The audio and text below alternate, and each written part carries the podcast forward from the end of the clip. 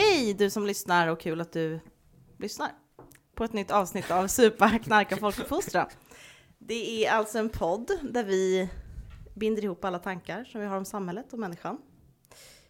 Kanske politik, folkhälsa och frågor som rör min favoritfråga, meningen med livet.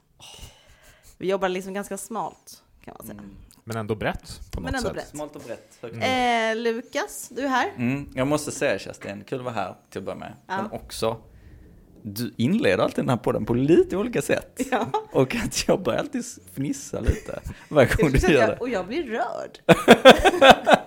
Men det var inte det du skulle säga. Nej men det, jag bara tycker du har en fantastisk förmåga att hitta liksom ehm, inledningar. Ja, Unika inledningar, just for you guys at home alltså. Ja, Ja, men det blir krispigt på något sätt. Ja, ja men det sätter en stämning Ja. där vi måste leverera.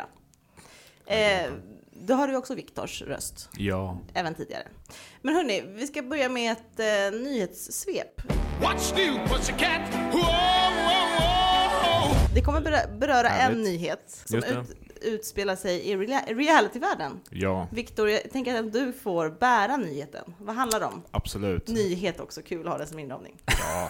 Ämne menar jag bara.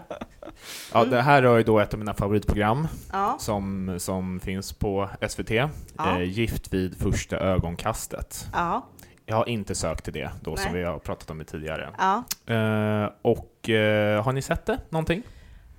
Ibland. Ja, jag har sett eh, någon säsong. Jag har inte sett den nuvarande säsongen, ska jag bara säga. Mm. Inte koll.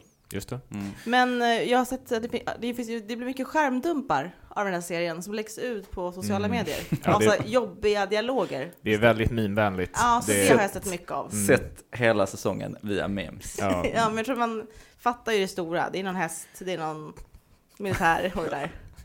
Exakt, han, eh, den ena snubben som vi faktiskt ska prata om nu Ja. kommer ju literally inridande på en vit häst Ja. eh, till altaret. Eh, det är i första avsnittet. Ja, Så, men vi, det är ju när, där, närmar sig slutet av säsongen nu, vi är på avsnitt åtta.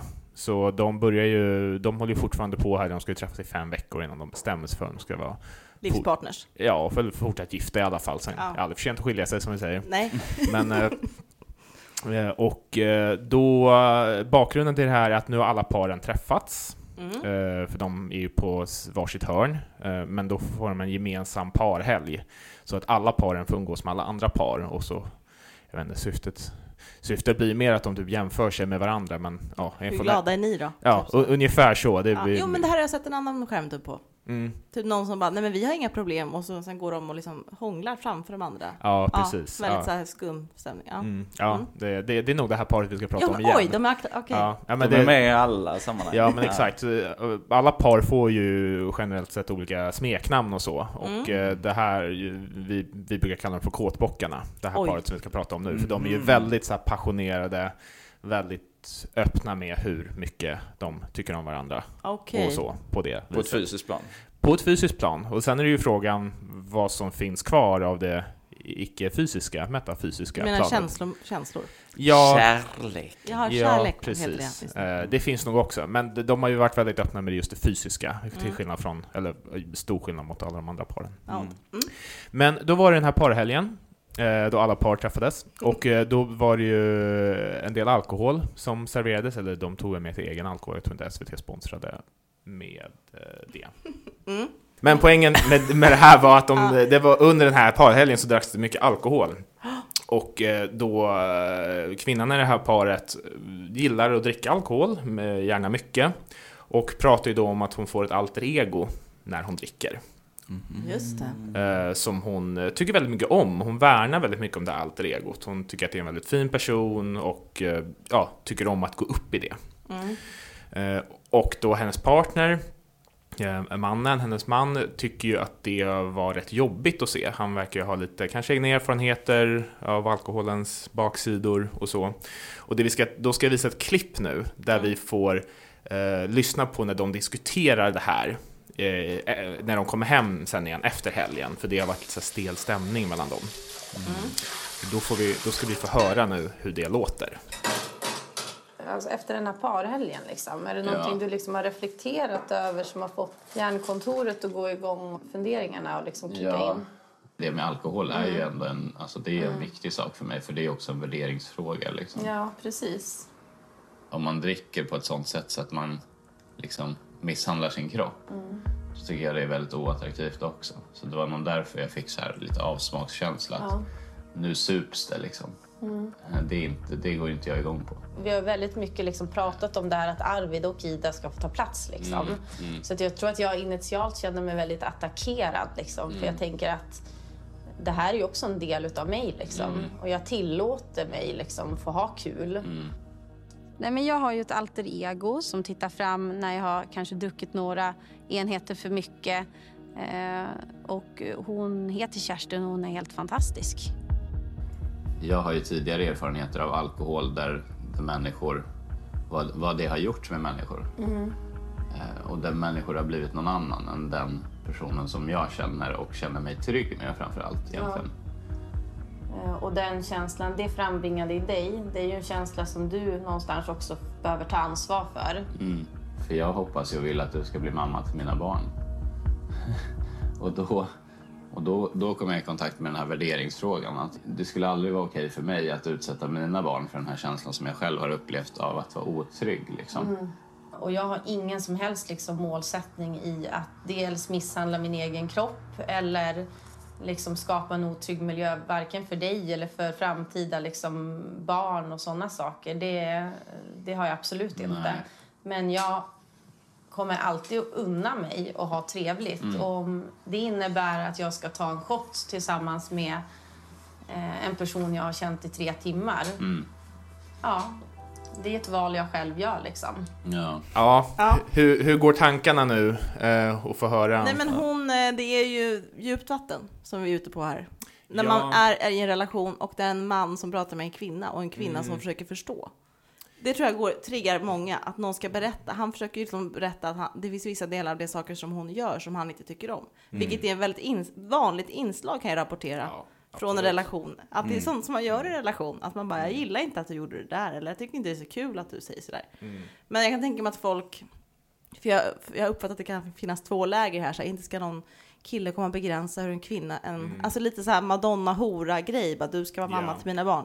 Men jag menar, bryter man ner det Mm. och, och någon är öppen med att den tycker det är jobbigt att det finns, att umgås bland folk som dricker alkohol är ju ganska så här harmlös.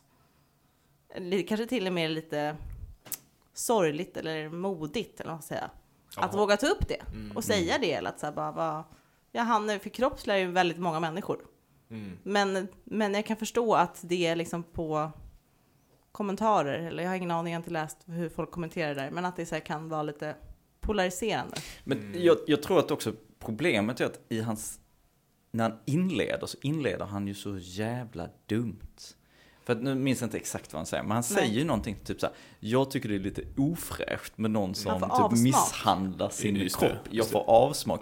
Alltså det är liksom. oattraktivt. Liksom. Ja. Alltså det är ju fruktansvärt dömande och liksom, alltså jag blir, Mm. jag, till, till och med jag som är fullblodsnykterist blir ju liksom, får ju, jag får ju avsmak av den kommentaren. Ja, ja, ja. Men sen när man liksom förstå samtalet. Mm. ja, men precis, när samtalet går vidare så visar det sig att ja, men han kanske har liksom, han har ju uppenbarligen erfarenheter som gör att han tycker det är, jobbigt med alkohol. Man behöver inte ens ha den typen av erfarenheter för att ändå känna de känslor som man har.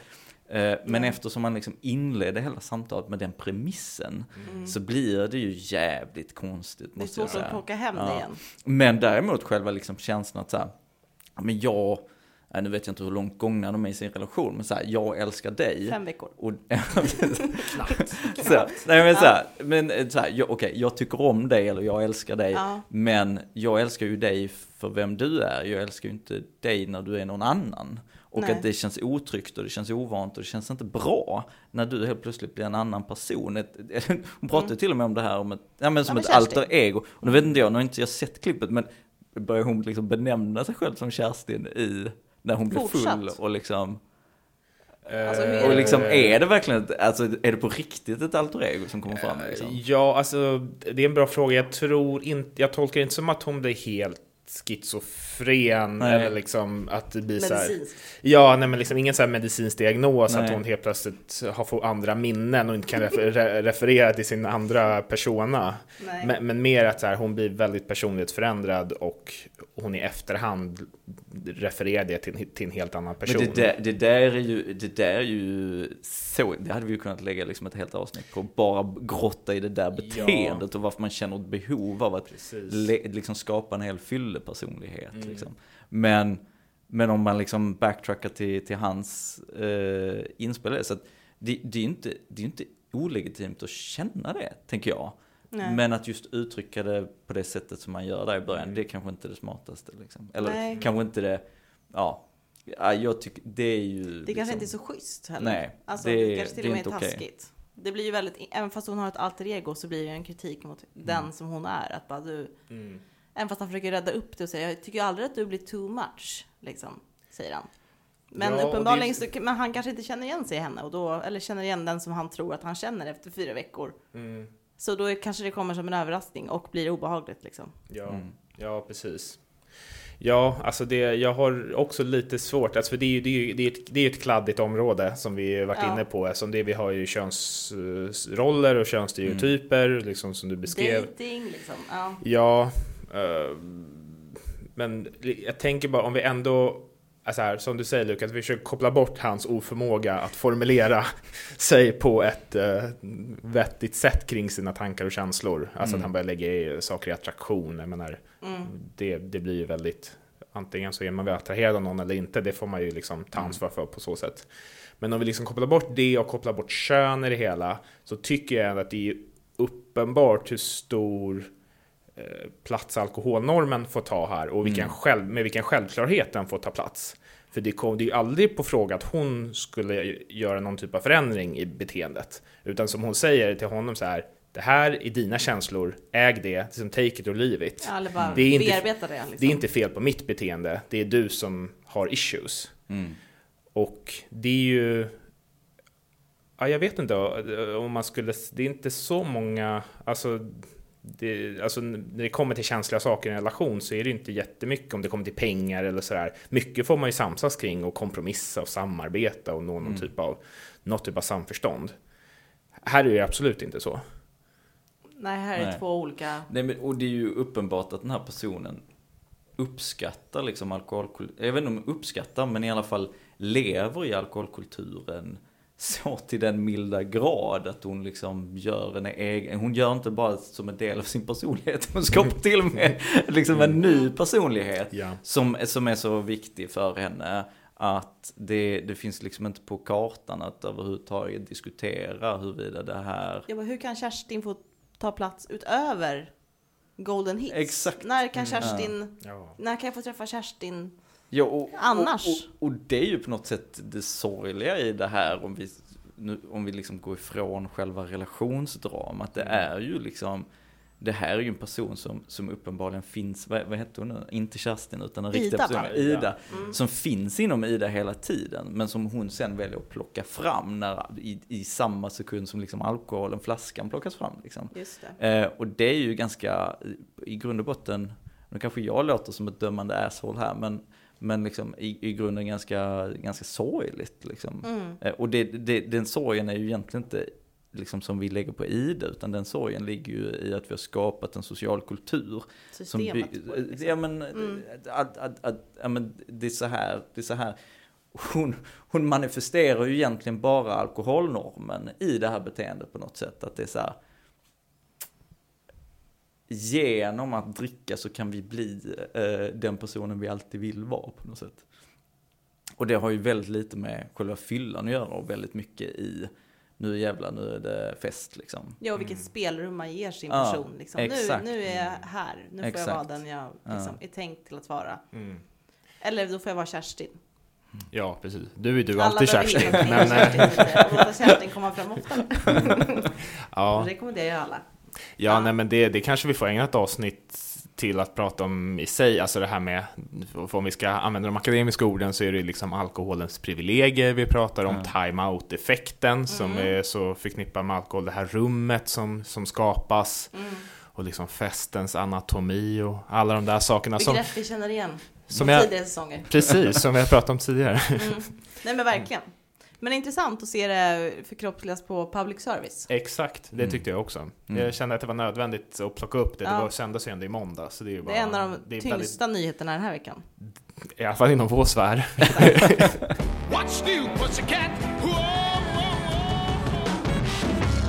Idag är det inte heller vilket avsnitt som helst, utan det är dags för del två då. Av det som numera går under namnet Viktor har ordet. Det är en hashtag där ute. Vi har, vi har blivit så uppstrukturerade sen Viktor kom, vi har nyhetssvep, vi har Viktor ordet. Gud, Ja. jag, jag tror du skulle säga något mycket mer förnedrande. Viktor orerar eller... Nej, nej, nej, nej, nej, nej. Men vi kommer ju liksom komma till tals också Lukas. Ja. Inandningar, Jag ja. hummanden. Jag, må, jag måste ju också komma in, nu var det ju ett tag sedan vi spelade in första Mm. avsnittet eftersom Viktor har haft, eh, varit lite sjuk. Men, eh, men eh, eh, jag måste ju komma in i den här tacksamma, Ja, tacksamma det, du- rollen som ja. jag hade. Just det, bara Ja. tacka lite. Ja men gud. Mm. Så att, eh, tack Viktor för att du nu ska orera för oss här. Mm. Varsågod, nöjet är helt på min sida. Ja. Corporate eh, Consumption Complex. Det Ja. var där vi landade sist. Mm. CCC. Eh, och det är ju det, vi pratade om det förut, att det liksom är ett system som tänker in liksom samhällets struktur, eller vad man ska säga. Vi var ju också inne på det här med hyperkonsumtion. Ja. Det var väl liksom det vi mynnade ut i vad jag minns. Ja, men precis. Hur minns du den här händelsen, Viktor? Vad är det som är stort? Ja, svart? jag tror, ja, vi avslutade ju med att jag läste det här citatet från den här franska ekonomen från det. 1950-talet, Victor. Lebau. Typiskt avsnitt. Ja, ja, men det är väl sånt alla, alla goda avsnitt behöver. Och vi landade liksom i, i lite identitetssnack, typ. Vad är, det, vad, Mm. vad är människan i det här systemet? Vad- Hur Ja. påverkar det oss människor? Mm. Ja, precis. Och att hyperkonsumtionen, ja, om jag minns rätt så som vi slutförde det samtalet, det är ju en konsumtion som är lite på något sätt frikopplat från våra grundläggande behov. Utan mer handlar om eh, ja, men våra andliga, spirituella behov egentligen. Alltså konsumtion som syftar till ja, men att ge oss meningsfullhet, att minska vår känsla av alienation, vilket vi Mm. kommer komma tillbaka till senare i avsnittet Mm. då, när vi pratar om alienationsteori. Mm. Ehm, och eh, ja, men identitet. För identitet har ju tidigare varit väldigt tydligt kopplat till ja, men typ var du bor, eh, vad dina föräldrar jobbar med, vilken religion du har. Vem du blev gift med? Liksom. Ja, vad du jobbar med, alltså Mm. saker som visst kan påverka, man kan, man kan påverka dem lite, men det är ändå mycket, det inte, man har, har inte haft så mycket val egentligen, det är väldigt självklart. Man är en, Till lott, liksom. ja, man är en bonde i Småland som eh, odlar rovor och Hackar ja, sten.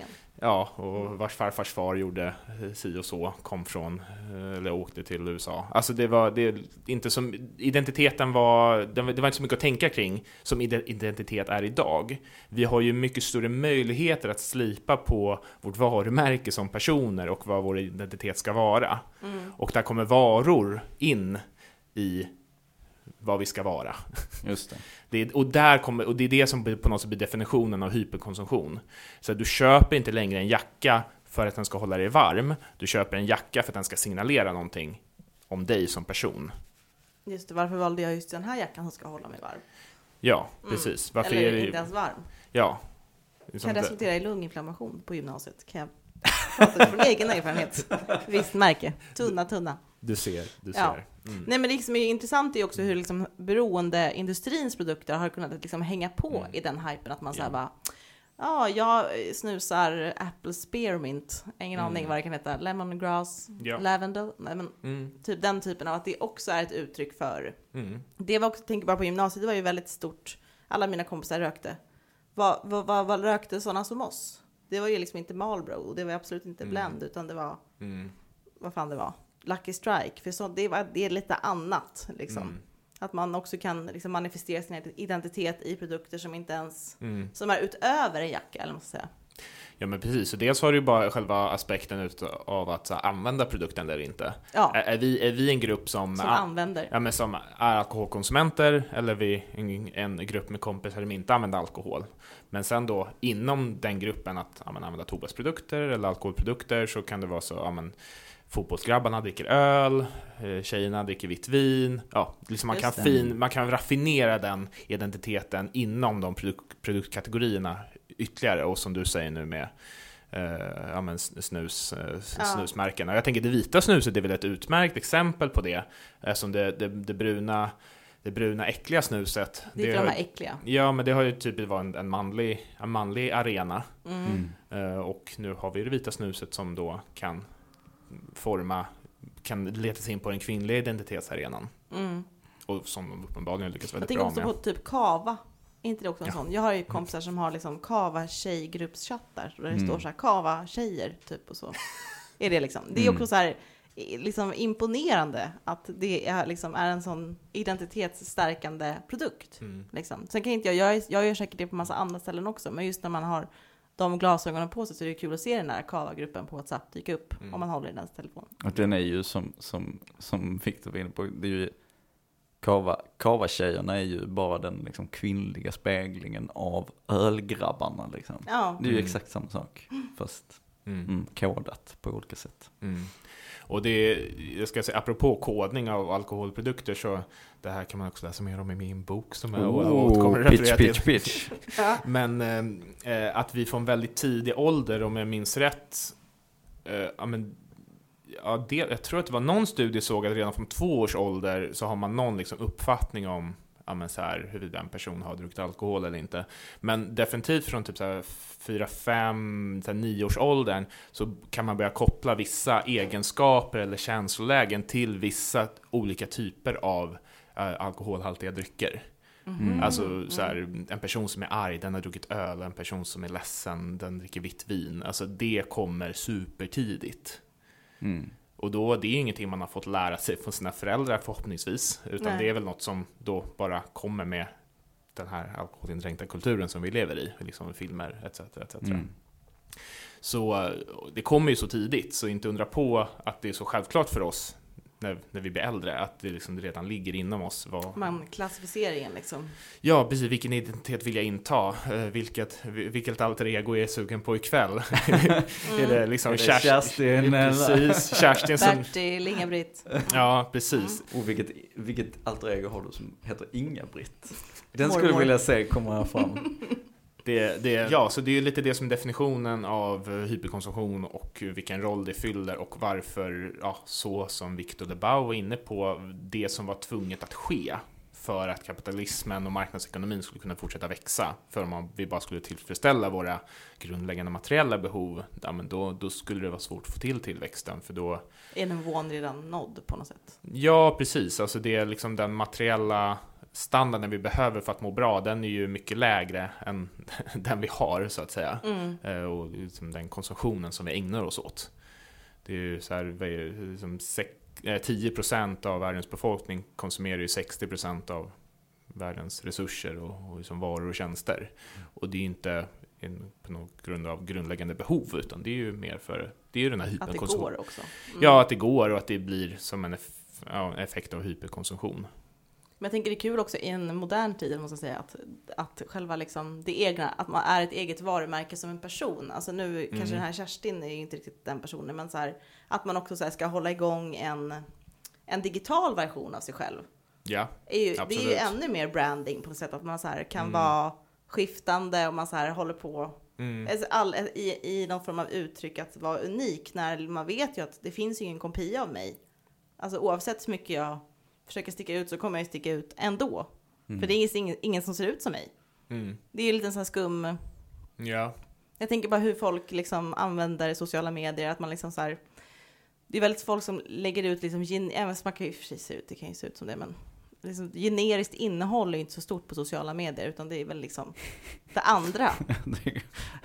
Det, mesta innehållet på sociala medier är ganska Jag generiskt. vet, men från avsändarens håll tror jag att den känner att här är jag och på en båt i skärgården. Mm. Är, Med lite visst, har jag, bubbel. visst har jag det mysigt Ja. ungefär, vilket det är ju en väldigt legitim känsla. Alltså, Mm. jag unnar alla att ha det mysigt, men just liksom att branda in sig på den typen av grej. Och det är klart man visar positiva sidor och sådär, bla bla bla. Men det är ändå roligt att det är ju en helt till arena om man tänker då på det här 50-talscitatet. Mm. Eller Ja, alienationsteorier så är det ju liksom ganska gamla grejer. Men här är ju, Mm. finns det ju liksom skärmens betydelse. Men det här är ju också superintressant utifrån perspektivet. Alltså, för att jag tänker om man tittar på alkoholkultur, för det här är ju en teori som är på något sätt i allt i någon form av postmateriellt samhälle. Men, Ja. om, men om man applicerar det på, på alkohol till exempel. Så det som är intressant med alkoholkulturen det är att där är ju liksom flera olika saker som liksom eh, går i linje med varandra för att skapa en total liksom, efterfrågan eller bild av alkohol som, som, som ibland kan vara ganska motstridig men som ändå samsas på något sätt. Och då tänker jag på det här med nej, men det du pratar om nu, att så här, alkohol är en del av identiteten, en del i sin egen branding eller sin egen liksom att bygga, eh, bygga sig själv på något sätt utifrån vilka produkter man konsumerar. Eh, men det är ju egentligen ganska oberoende av liksom, alkohol som berusningsmedel, alkohol som drog, utan det handlar ju om att signalera jag brukar prata om att en av alkoholens funktioner är att signal, signalera exklusivitet. Att signalera så här, nu sätter vi guldkant på tillvaron eller nu, nu, nu går vi in i ett rum där eh, allting är lite bättre och lite roligare och lite liksom speciellt på något sätt. Det Men är- också fokus bara, nu är vi här tillsammans. Ja, alltså exakt. den grejen Ja. också. Nej men så här, signalera exklusivitet. Och i det så finns det ju inte liksom, alltså den här alkohol per krona tanken att så här, nu ska vi bli fulla tillsammans. Den är ju ganska långt bort från den, ehm, den manifestationen av alkoholkulturen. Samtidigt som, som min, min uppfattning är ju att liksom de här två kulturerna, alltså där alkoholromantiken är som starkast vad gäller alkoholens exklusivitet, den här post, postmaterialistiska konsumtionen, är den också som starkast vad gäller, nu ska vi bli fulla. Så, inte, det är inte liksom en perfekt Venn-diagram där, det, där det är liksom att de går hand i hand. Men ehm, det är ändå ganska tydligt att så här, alkoholromantiken jobbar i flera lager. Liksom. Mm. Ja, ja, men jag tänker att alkohol är ju lite dryckernas Macintosh på något sätt. Alltså, Mm, Betyder, vad betyder det? ja men så här, Apple-produkter är ju, liksom, man kan ju ha vilken teknikprodukt som helst. Du kan ha en Samsung-telefon, du kan ha en eh, Windows-dator. Men du vill ju gärna ha Apple-produkter för att det, som du säger Lukas, signalerar någon typ av exklusivitet kring att Jag har använda dem. Ja, precis. Liksom nästan, ja, jag tror inte att det är så allvarligt, men lite så här religion, upplysning eh, åt, åt det hållet att Mm. man är väldigt frälst. Once you go Mac, you never go back. Kerstin s- känner sig personligt påhoppad eftersom hon sitter bakom en Mac. Min privata Android ligger vid sidan om. Så ska det se ut. Mm. Och det här är ju lite mer så här, hur, hur det här liksom, hur, påverkar det här den lilla arten människans, typ så här, vad, hur är det kopplat till vår identitet och våra stora frågor som vi bär inom oss. Men det finns ju också typ, om man kan tänka så här, vad i, om man nu ser det här systemet och tänker på sin identitet och identitetsskapande, vad är det man kan påverka? Så hur kan man, eh, jag tänker på typ det som du också är inne på det här med liksom myterna, vilka myter man skapar kring en produkt. Att liksom krossa, eh, krossa, eh, synliggöra eller Vi eh, kan krossa saker här. peka på så att säga. Nej men eh, det, vad ska man, på engelska kallar det för corporate myths. Ja, exakt. Men det finns liksom ingen bra svensk översättning på det tycker jag. Nej, företagsmyter, det låter... Det känns mer som en bok, så här, bara så här lyckas du med din Ja, fiffling av med din... Ja, Deklaration. precis. Mm. Ja, men corporate myth, eller om vi ska hålla oss till det väldigt okäcka begreppet företagsmyter. ja, Ehm, det är ju ja, men egentligen all typ av liksom, kommunikation och, och symbolism som promotar eh, hyperkonsumtion. Alltså liksom där alltså, varor, ska, varor och tjänster ska eh, tillfredsställa våra icke-materiella behov. Våra liksom, behov av gemenskap, identitet, mot alienationen i grind. Den typen av eh, liksom, idéer. Köp, ja, liksom man ser en, en bil, en bilreklam. Liksom det har väl alla tänkt på att det känns ju väldigt lite, det handlar väldigt lite om vad bilen är kapabel till och desto mer om vilken känsla du får Fjord. när du ska köra den här bilen och, och liksom vad du signalerar eh, Mm. när du kör den här bilen. Eh, och det blir som, som ett exempel på företagsmyter.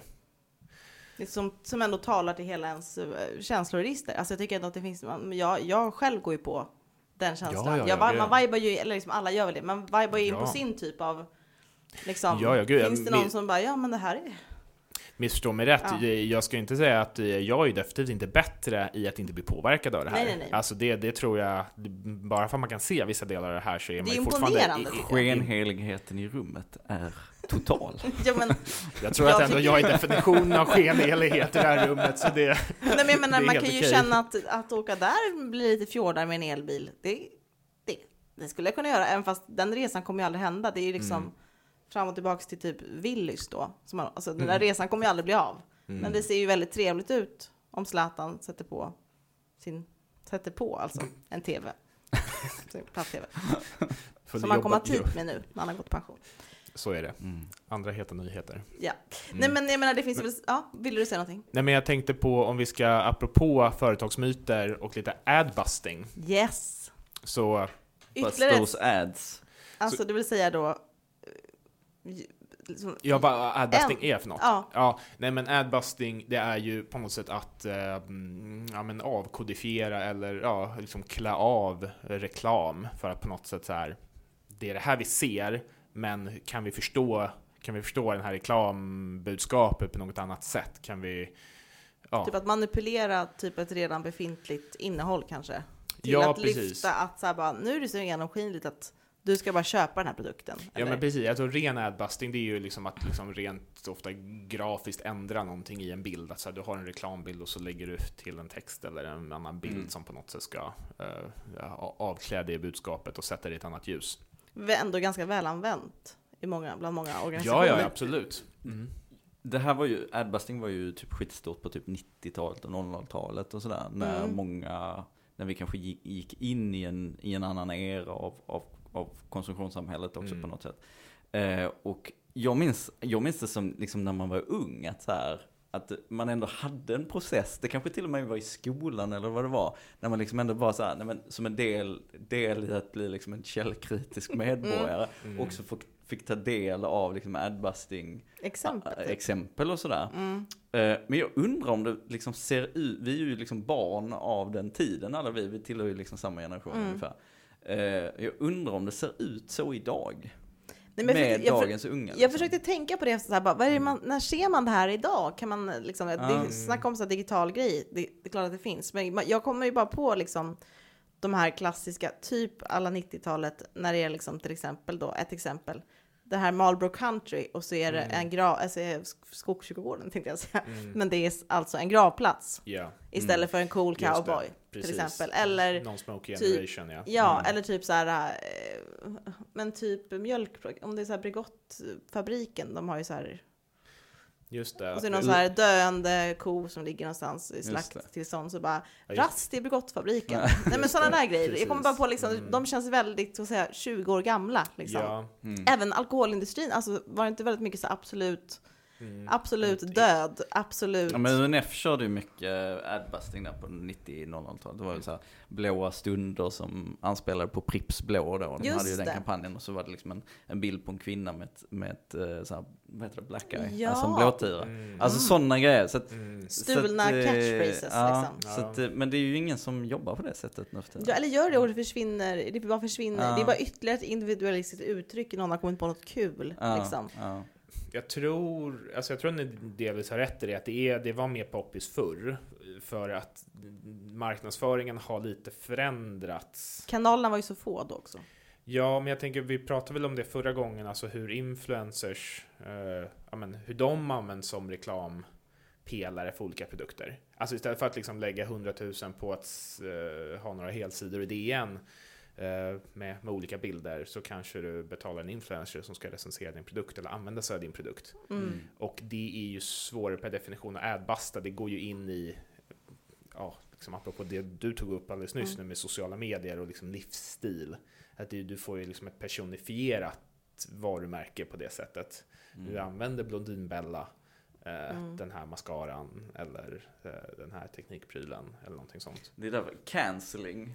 Cancel culture har blivit nya adbusting. Just det. Just det. Drev. Så du måste Just cancella alla. Men det är så mycket mer kostsamt än att typ ändra. Men det var ju också typ just do it var det ju liksom. Kommer Mm. ihåg det? Det var något barn som satt och sydde. Det är ju enklare att byta ut den bilden än att Ja, lägga mycket på att starta ett drev.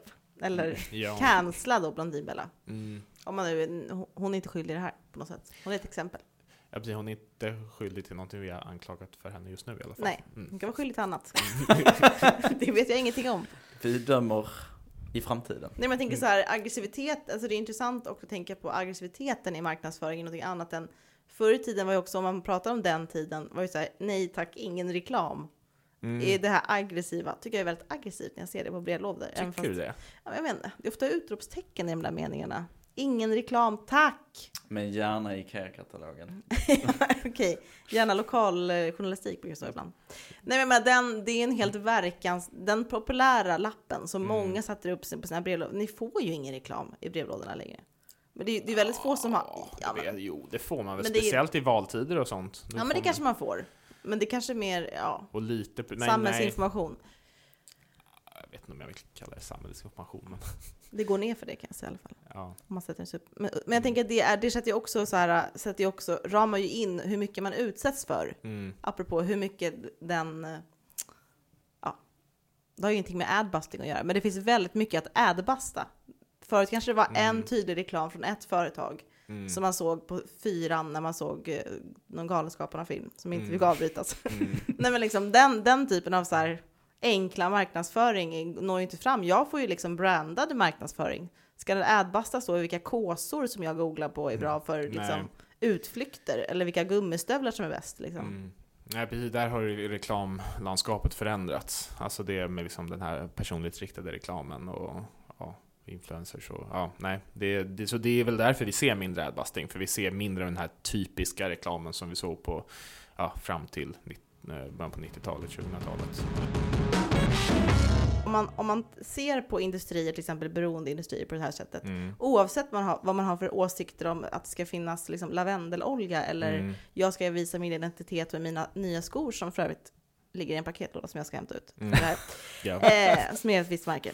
Eh, jag menar, vad, vad, vad kan man liksom, hur kan man se på de industrierna som vi kritiserar? Hur kan man bringa hopp och på något sätt få syn på, om man då inte, om det inte är adbusting som gör det, vad, vad är det för vad är det för rörelser som kan driva till en förändring i att också så här synliggöra alkoholen eller tobaken eller snusets roll i hela den här liksom identitetsskapande processen som ändå varje människa, den går ju inte att stoppa. Det är ju hela ens, hela ens liv bygger på ens identitet på något sätt, att man lever. Mm. Vad, vad kan man liksom, vilka, vilka rörelser är det som kan äga Nej, frågan? men det, det, så här, jag, jag tänker att det, det samhället som vi lever i idag är ju, som alla samhällen på, på något sätt, eh, handlar ju väldigt mycket om identitet, gemenskap, tillhörighet. Även om vi lever i ett samhälle som kanske är mer individualistiskt än det någonsin varit, så är ju ändå, människan är ju ett socialt djur, vi vill känna en social gemenskap och en tillhörighet.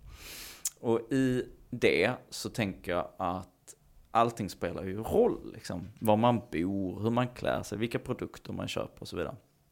Det som är så eh, speciellt med kanske alkoholfrågan, men, eller alkoholprodukter, men också kanske tobaksprodukter, till viss del också narkotika, även om det är en lite mer kladdig eh, värld, eh, är ju att de här industrierna som är bakom de här eh, eh produkterna så tydligt rider på den här viljan att vara del av en grupp, viljan att vara en eh, delaktig i en, liksom känna en tillhörighet, eh, samtidigt som produkten i sig eh, naturligtvis inte har den funktionen liksom inbyggd i sig, utan det är ju någonting vi tillskriver den. Mm. Eh, men också att det, eh, det, de är så destruktiva i, alltså, för jag, jag, jag, kan, jag kan lite känna så här, ja okej, eh, så här, något klädesföretag eh, gör att jag köper en jacka för att jag vill känna mig sportig, eller jag vill känna mig hipp, eller vad jag nu vill känna mig. Mm. Ja, det är väl inte hela världen tänker jag.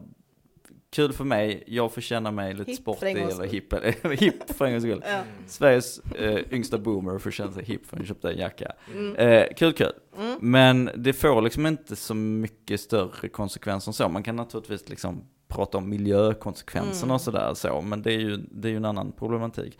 Men det som är så speciellt med alkohol är ju att det liksom, det skapar ju så mycket problem. För att jag vill känna den här gemenskapen. Alltså både för mig som individ, men också för alla runt omkring mig. Och också för samhället i stort. Liksom. Så det är ju en annan, Typ av vara. det är liksom en, en djupare problematik på något sätt. Som, som en konsekvens av det som liksom Viktor beskriver, tänker jag. Ja, jag tänker att du har både eh, rätt och mindre rätt, Lukas. ja, det är klart. Självklart håller jag med om att eh, alkoholen som eh, materiell vara har ju mycket större konsekvenser. Alltså både ja, men, socialt, ekonomiskt, liksom, kanske till och med miljömässigt. Eh, det beror på lite, men jämfört med någon fjällrävenjacka eller någon sån här jacka som du tar.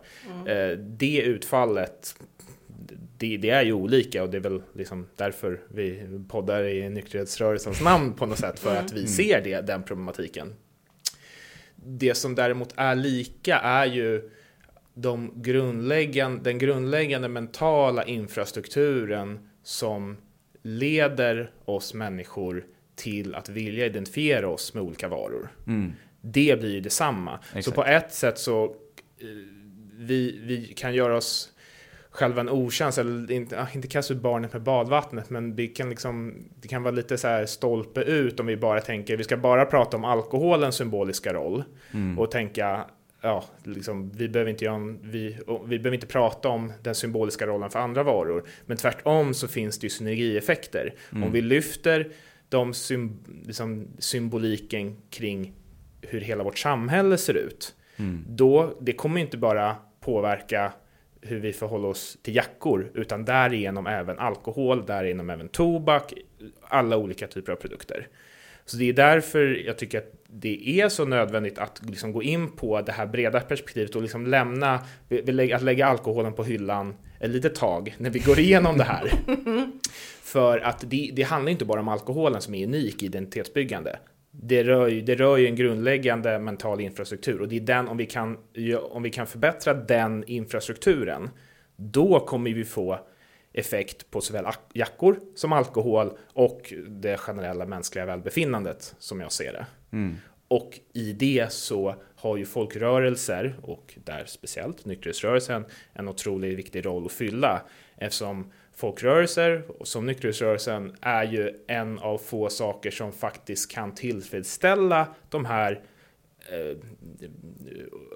metafysiska, eller som andliga spirituella behoven som varor och tjänster inte kan. Det kan ju ge oss en tillhörighet, det kan ju mota alienationen i grind. Det kan ju faktiskt utgöra en lösning på såväl ja, alkohol uppenbarligen, men även jackor och annat. Men vi behöver på något sätt som ett överhängande teoretiskt ramverk för att förstå det. Alltså livets komplexitet brukar vi prata om. Så här, vad, vad är det meningsfulla, apropå din roll, vad du tänker som liksom, folkrörelse eller vad som helst gemensamhetsrörelserna, vad de, vad de skulle kunna ligga grunden för. Om man tänker i Sverige har man liksom tappat en gemensam grund som till exempel religion eller en gemensam eh, alla var sossar, eller förstår du? Alla, eller så var alla inte sossar. Alltså man har, liksom in, man har inte konsensus kring varken är vi sossar eller är vi med i kyrkan. Det, är inte, de liksom, det finns inga konsensen, myter om konsensus i historien är väl liksom ganska stor. Men jag menar det har ju funnits väldigt stora liksom, penseldrag där man kunnat vara gemensam. Alla är ju med i hyresgästföreningen, så ses man på möte och äter smörgåstårta liksom. Det är ingen som äter smörgåstårta längre. Det, hyresgästföreningen är inte lika stor längre. Liksom, men det är fortfarande en part i, när vi förhandlar våra boenden och så här. Så jag menar, det finns ju en... eh, Det, det finns ju mycket som, som skulle kunna få liksom eh, mycket att bli... eh, Jag säger ju typ exakt samma sak som dig nu Viktor. Eh, nej men det finns ju mycket som skulle påverka mycket till det positiva. Nej men jag menar grundplanen i Sverige är ju att vi har inte en, en gemensam religion där vi pratar om sorg eller pratar om känslor eller pratar om eh, liksom, vi har inte, vi, vi är ju liksom i något mellanskifte där våra plattformar är inte lika tydliga vart, vart vi söker tröst till exempel. Då kanske det är ganska lägligt att en produkt som alkohol är en sån som man kan man går ut och tar några öl med sina polare för att man typ är ledsen över att sin hund har dött. Fast man egentligen kanske behöver bara prata om att ens hund har dött. Liksom. Men att det blir en, alkohol lyckas ju bli en spelplan för sånt som vi har tappat gemensamt. Och där finns ju ändå med ganska enkla medel lättare att liksom hämta hem det. Och där fyller ju alla rörelser en, eller en, liksom, en funktion och kanske också den egna personens liksom, Mm. upplevelse att det finns rörelser som är intresserade av att jag är med. Liksom. Mm. Då har vi kommit överens om det. nu är det ändå dags för veckans bubblare. Mhm. Eh, nej men min bubblare är ju, eh, för att det är ju sommar nu, hörni. Ja. Ja. Och min bubblare, det är ändå midsommar. Mm. Väldigt trevligt. Mycket trevligt. Jag är ju stort fan av eh, de flesta högtider. Ja. Eh, och midsommar är ju eh, sommarens nyår. Det är ju sen gammalt. Och lite kravlösare, eller? Nej, jag tänker, nej, och det är väl det som jag tänkte Mhm. prata lite om. Jaha. Att så här, jag älskar, nyår är ju den absolut bästa högtiden, alla kategorier. Och Mm. eftersom midsommar är sommarens nyår, Så förstår så vi då. är den ju, så är det ju också en väldigt Ja. bra högtid. Ja. Men att både nyår och midsommar kan ju ha den här ganska, eh, ganska, eh, att det ska vara så himla, eh, liksom, eh, snofsigt och, eh, inte snofsigt, det är väl inte rätt ord, men det ska vara liksom så himla hypat. Ja, och men väl- lite att du själv hypade upp det här innan. Ja, men, Du okej. bidrog till Ah, kulturen. ja, jag vet. Mm. Okej, Ja. nej men, hype, Redundans. men det ska liksom vara så himla liksom uttänkt ibland. Perfekt. Det är Liksom. Perfekt, liksom. exakt Mm. så. Eh, och apropå det vi pratade om tidigare kring liksom tillhörighet, gemenskap, sitt existentiella liksom eh, tillfälle, eh, sitt existentiella välmående på Mm, något sätt. mm. Så tänker jag att så här, är det inte dags att reclaima midsommar? Okej, till... För liksom det kravlösa, det gemytliga, det vi bara samlas och tar det lugnt. Vi har lite trevligt, käkar lite jordgubbar, Mm. om vi får tag på några. Mm. Liksom, och inte göra en så stor grej av det. Just det. det måste Eh. inte vara svenska jordgubbar. Det kan vara belgiska. Ja, det jordgubbar. kan vara vilka jordgubbar du vill.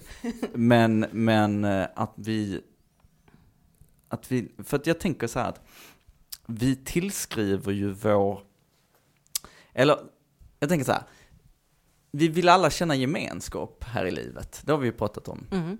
Eh, och gemenskaper har vi, vi har ju liksom en, en eh, fantastisk eh, förmåga att försöka göra gemenskaper till någonting så komplicerat och upphausat eh, som möjligt. Men att det egentligen i grund och botten bara handlar om att träffa dem som man tycker är trevliga. Ja. Och, ha, och dela liksom någonting med. Dela en stund. Mm. Nej så, men det, är ju så sant. så det är min bubblare. Eh, Jag har ju, som varit inne på, jag har varit sjuk nu två veckor i vattkoppor. Mm. Eh, äntligen frisk. Ja. Men eh, fy tusan vilket helvete det har varit. Ja. Så med risk för att ta titeln som Sveriges yngsta boomer så, så vill jag slå, slå ett slag för bältrosvaccin. Okej. För det tänker jag, så fort jag nu när jag är klar med det här, det Ja. jag ska ta bältrosvaccin. Alltså. Ja. Det, alltså det, Ta chansen. alltså vet ni att det kallas helvetes eld? Ja, det har jag läst på. Mm. Ja. Mm. Det, Det brinner. det brinner och det kan brinna i flera månader. Alltså smärtan kan vara bestående. Just det, man kan ha symptom också. Vad är det här för skräckpropaganda? Nej. Ja, nej, men alltså det, det, det kan vara helt fruktansvärt. Ibland liksom flera år, att man får vissa så här nervproblem kopplat liksom till, till Mm, det här. Då, att det, trasiga sätt, liksom. ja, det sätter sig på nerverna på något sätt och det kan liksom hålla i sig jättelänge. Mm. Och jag har haft en trasig nerv. Du har haft det en var inget trasig... skönt. Det kan Den är fortfarande trasig i hjärnan. Hjärnan. Utanför hjärnan, pannan. Så jag fick till och med ta botox faktiskt. Jag hade Okej. botox under ett halvår. Gud. Väldigt stel panna. Är du den enda i podden som har tagit botox Ja, jag här? tror det faktiskt. Mm. Vad jag vet. Skönt. Ja. Mm. Mm. Det gick ur sen. Kroppen bryter ju ner giftet som de sa. Mm. Ja, jag brukar låta så. Jag råkade ju bara vara gravid samtidigt, så man man undrade ju lite. Så det gick ju för det där barnet. Det var så slätt och fint när det kom ut. Inga uttryck på det sättet, bara liksom helt avstängd. Mm. Ja, nej men eh, bra. Så är- åt folket säger jag. Hörni, jag har ju fått lära mig det här ordet polykris. Har ni hört det eller? Polykris. Aldrig hört. Nej men det är liksom att eh, det, det är liksom någon form av beskrivning på vad mänskligheten befinner sig i just nu. Att vi har flertalet kriser som Aha. sköljer över oss. Jag kan identifiera mig med det på ett personligt plan också. Jag är en polykris. Det det är bara att vara vuxen. Ja, just det. Vi har blivit vuxna. Nej, men det är ju, ni kan ju själv räkna upp vilka kriser det är. Jag, jag behöver liksom inte sprida den stämningen, men det finns ju kriser där ute och även här inne, jag säga, Mm. som påverkar oss. Ja. Eh, och det är ju sedan gammalt att liksom rädsla förlamar. Alltså, man blir liksom inte lika handlingskraftig om man är lite rädd. Skräck tror jag där är mer på, då gör man ju grejer. Om man känner att det brinner, då springer man. Men Ja. känner man att det liksom är, är det varmt här inne, alltså, då är man ju kvar en stund i rummet. Kanske inte om man ser röken. Det kan vara eleld. och så. Ja, det, det, det har man ju faktiskt gjort studier på. Alltså så här, om, man, om man är under så vissa förhållanden att man ska typ eh, sitta och skriva ett prov eller någonting och så börjar det ryka i, Då kanske man bara, i "Ah, men- rummet. Ja, men om ingen annan gör någonting, då sitter man ju bara kvar. Ja, Just för att man blir så att man ifrågasätter och man ja, är det, är, bara, är det bara jag liksom? jag vågar inte sticka ut och sen, nej men alla andra sitter ju kvar så. Ja. Men jag menar då, jag, för det här, jag vet inte om det är ett nytt ord, det här polykris, men det finns ju liksom, jag tyckte ändå det var väldigt upplyftande att tänka, alltså nu som att jag försöker lyfta, göra en soppa på en spik här, men det är inte så jag menar. Men det finns ju något så här, när man pratar om, eh, du och jag var ju på en konferens, Mm. eh, Lukas, som heter Drug Policy for the Future. Det. dun, dun. Gud, varför var inte jag bjuden? Ja, det kostar Ja. ett par tusen. kort. Jaha, okej. Viktor. Nej men, eh, du kan ju få ett mejl om det i framtiden. Vi var rädda för att du skulle smitta ner henne med vatten. Ja, exakt. Just att, eh, Det var den typen av ja. eh, åtgärd. Mm. Nej men jag menar, det finns ju liksom inte någon som jobbar med förebyggande arbete som säger så här, ja men när vi jobbar förebyggande med alkohol, då håller vi på med en grej och det hjälper alkohol. Det hjälper liksom alkoholförebyggande, eller när vi jobbar förebyggande mot kriminalitet hos unga, då gör vi den här insatsen och den funkar jättebra, utan det alla pratar om att ja, gör vi en, gör vi en insats, typ, eller gör vi två, tre insatser, då kanske det kommer slå ut på liksom jättemånga, före, alltså, jättemånga positiva samhällsförändringar. Vad gör vi det här? Satsar vi på det här, då kommer inte det bara ha effekten av att få ner antalet eh, överdoser, utan det har också effekter på hur folk kommer in till sjukvård, eller att de får jobb, att de får läge, alltså vet, Mm.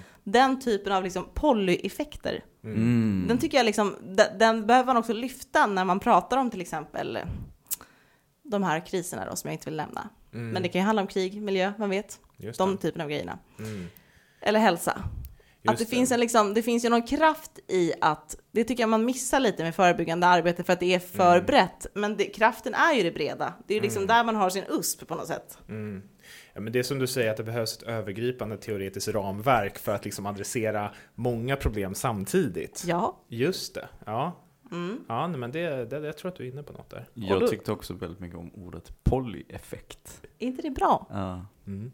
Ja, det jag är tror att man måste översätta det till Mångeffekt. Engelska. Mångfacetterade. Poly, the poly effect. Poly- poly- poly vi, säger, vi effect. säger ju polygami, så då kan man väl säga Ja. polyeffekt. Men jag menar för att lansera utomlands. Alltså, jag tänker ju lite längre. Jag vill att det ska, liksom Harvard och sådana grejer. Ja men det polyeffekt. Polyeffekt. Men gräv där du står. Det Ja. kan också Mm. bli, apropå adbusting, kan också bli en framtida eh, Cloetta-kampanj för The poly Men, effect. ja, men jag försökte faktiskt googla det för några veckor sedan när jag Ja. såg det. Och då stavade jag såklart fel på dubbel L. Så det bara enda jag fick upp var just det. Folk som typ gjorde domino med så här polygodisar. The poly effect. Men det här är med enkel L. Just för det. alla er som vill googla runt där ute. Just det. Men jag tror inte att det bara, finns. vi stryker ett L, snabbt som fan. Eh, men med det sagt så vill jag uppmana er att gå ut och jobba på era polyeffekter där ute. Mm. Do it. Do it now. Mm. Just do it. Polyfiera oss. Polyfiera oss. Okej, men vi hörs nästa gång. Det gör vi. Ciao, ciao. Hej då. Hej då.